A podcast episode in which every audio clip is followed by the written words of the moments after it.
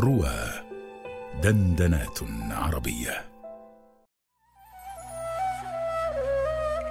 عطائيات مع طه الصوري على رواه.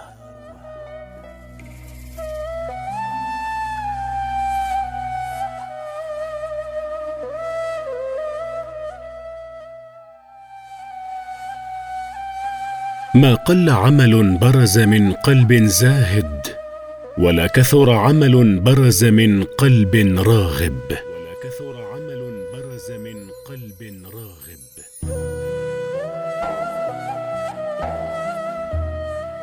أي إن العمل الصادر من الزاهد في الدنيا كثير في المعنى وإن كان قليلا في الصورة.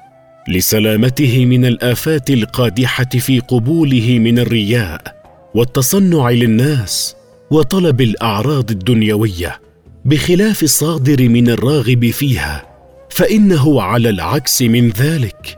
وقد شكى بعض الناس لرجل من الصالحين أنه يعمل أعمال البر ولا يجد لها حلاوة في قلبه فقال لأن عندك بنت إبليس وهي الدنيا ولا بد للأب أن يزور ابنته في بيتها وهو قلبك ولا يؤثر دخوله إلا فسادا.